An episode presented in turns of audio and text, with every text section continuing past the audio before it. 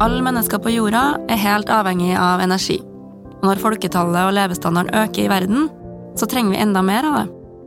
Samtidig så må vi i kampen mot klimaendringene kutte utslipp og finne nye kilder til energi. Er dette et regnestykke som går opp? Det er kjempevanskelig å få til den løsningen her, eh, men det er definitivt mulig. Det her er Espen Moe. Han er professor i statsvitenskap på NTNU, og han er ekspert på klima- og energipolitikk. Spørsmålet han har fått, er hvordan skal vi klare å produsere nok energi til alle menneskene på jorda samtidig som vi når klimamålene? Flere av de viktigste spørsmålene som verden prøver å løse akkurat nå, handler på en eller annen måte om energi. Energi går også igjen som tema i mange av FNs bærekraftsmål. I arbeidet for å stoppe klimaendringene så spiller energi en åpenbar rolle, og et helt eget bærekraftsmål slår fast at vi skal skaffe ren energi til hele verdens befolkning. I tillegg sier FN at bærekraftsmål nummer én er å utrydde fattigdom. Og til det så trengs det økonomisk vekst, og det betyr at det kreves mer energi enn det vi produserer i dag. Er dette et regnestykke som kan gå opp? Klarer vi å produsere nok energi til alle menneskene på jorda, samtidig som vi når klimamålene? Det skal vi prøve å nærme oss et svar på i denne episoden. Men først, hva er egentlig energi? Så dere si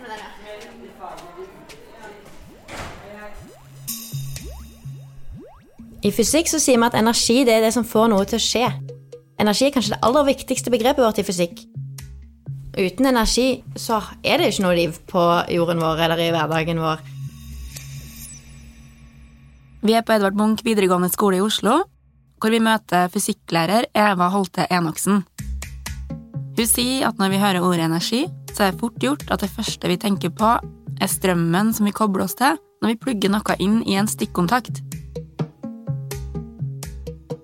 Det er ikke så rart at det vi tenker på aller først, er den elektriske energien. Fordi jo sånn vi flest ganger møter energi i hverdagen vår. Vi sier gjerne at det finnes to energityper. Vi har fornybar energi, og vi har ikke fornybar energi. Når vi snakker om fornybar energi, så snakker vi gjerne om solceller og vindkraft og vannkraft.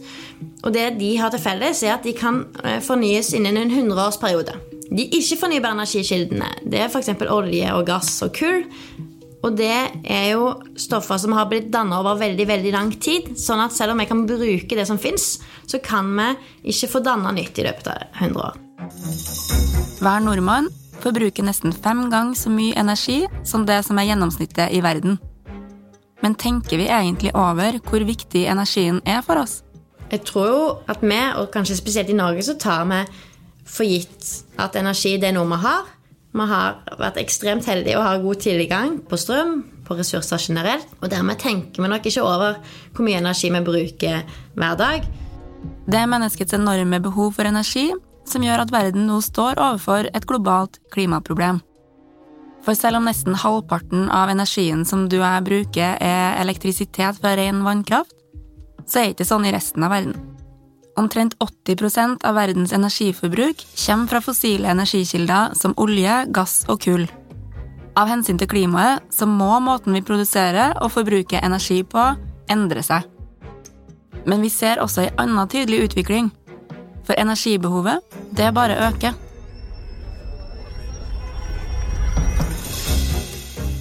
På jorden så blir vi stadig flere mennesker, og levestandarden øker. Og det er i all hovedsak er jo det et kjempegode for folk. Men det betyr jo at vi vil kreve At vi vil trenge mye mer energi i fremtiden enn det eh, vi har nå. Så hvor skal all denne energien komme ifra?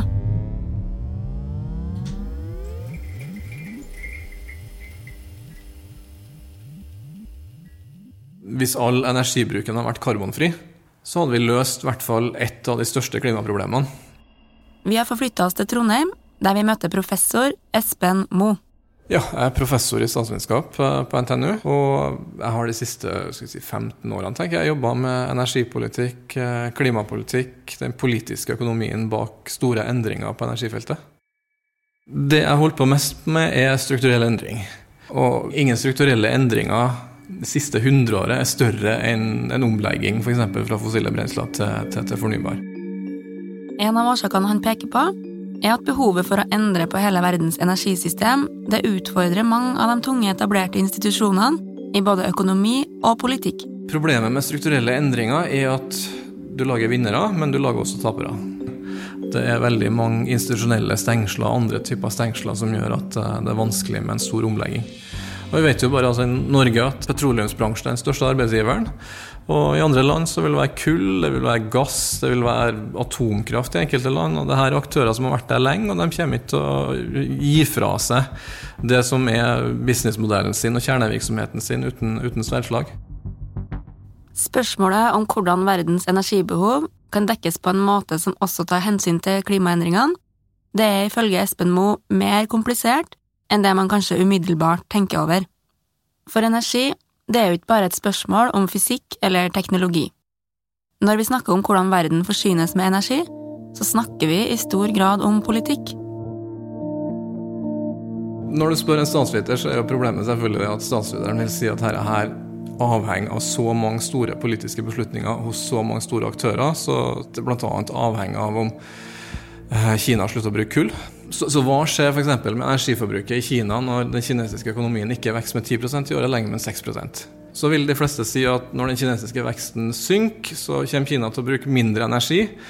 Men, men som statsviter så er jo da det motsatte argumentet at når Kina slutter å vokse, så vil Kina også bruke mindre på fornybar energi, og sannsynligvis vil etablerte aktører som kull kjempe mer for å opprettholde de fordelene de allerede har.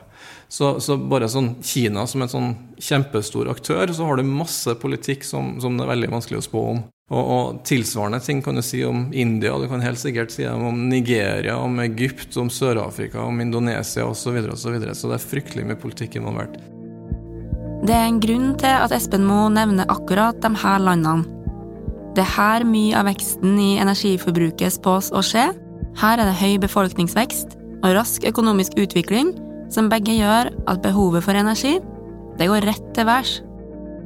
Og historisk så ser man en helt tydelig sammenheng mellom økonomisk framgang og tilgangen på billig energi. For enkeltmennesker og samfunnet så er jo egentlig det at energibruken stiger, det er jo egentlig et positivt tegn? Det er jo et symptom på at eh, folk eh, har bedre økonomi.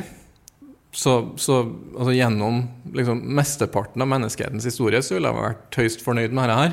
Så det er klima. Og, og pga. klima så er denne økningen i energiforbruk eh, ikke bærekraftig. Klimamålene som verden har satt i Parisavtalen, de krever at nettoutslippene av CO2 skal gå mot null. Men når energibehovet stiger med 2-3 hvert eneste år, og vi er på stø kurs mot 10 milliarder innbyggere i verden, da har vi et dilemma. Det er veldig mange som snakker om befolkningsveksten, og hvor stor del har det å si? Så kommer jo an på om den befolkninga skal leve i uh, lutfattigdom eller ikke. Hvis de skal opp på noe sånn nesten vestlig levestandard, så vet vi jo at den veksten må skje med hjelp av ikke-fossile brensler, for ellers har vi tapt klimakampen allerede. Så hva betyr så alt det her? Er det en motsetning mellom økonomisk vekst og det å redde klimaet? Forholdet mellom vekst og klima er kjempeproblematisk, for at vi har ikke klart i praksis noen steder i verden enda å frikoble eh, økonomisk vekst fra klima. Det vi ser, er at i økonomiske kriser så går klimautslippene ned. Uh, som følge av økonomisk motgang.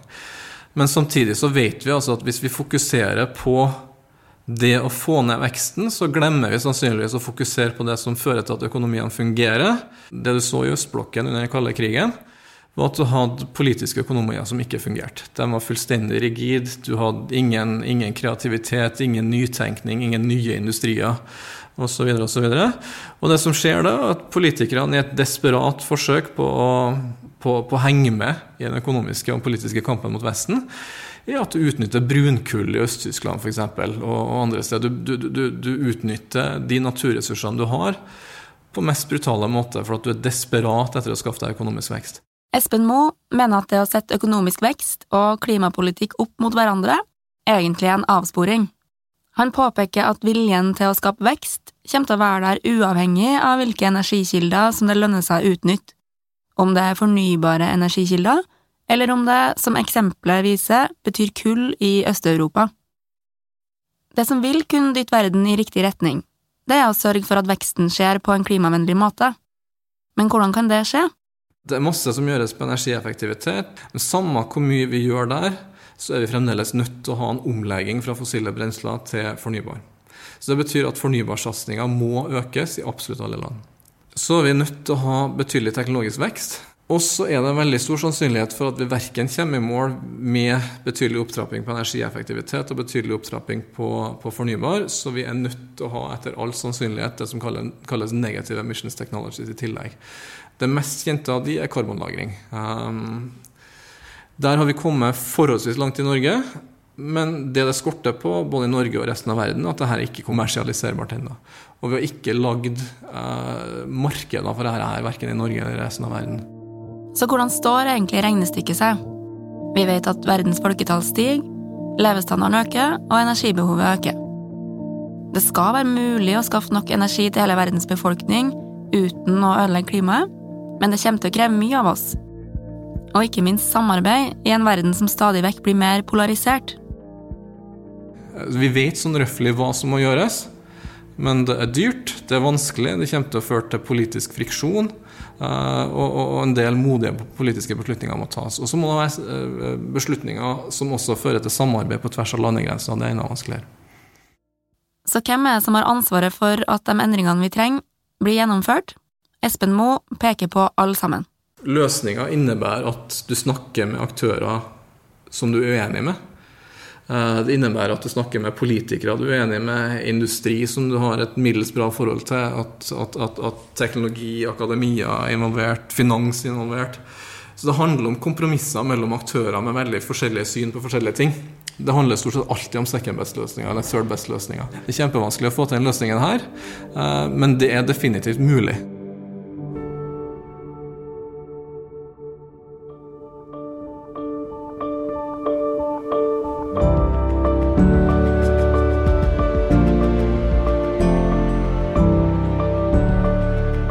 Det vanskelige regnestykket med å skaffe til veie nok energi til verdens befolkning uten at vi ødelegger klimaet, det er definitivt mulig, sier Espen Moe.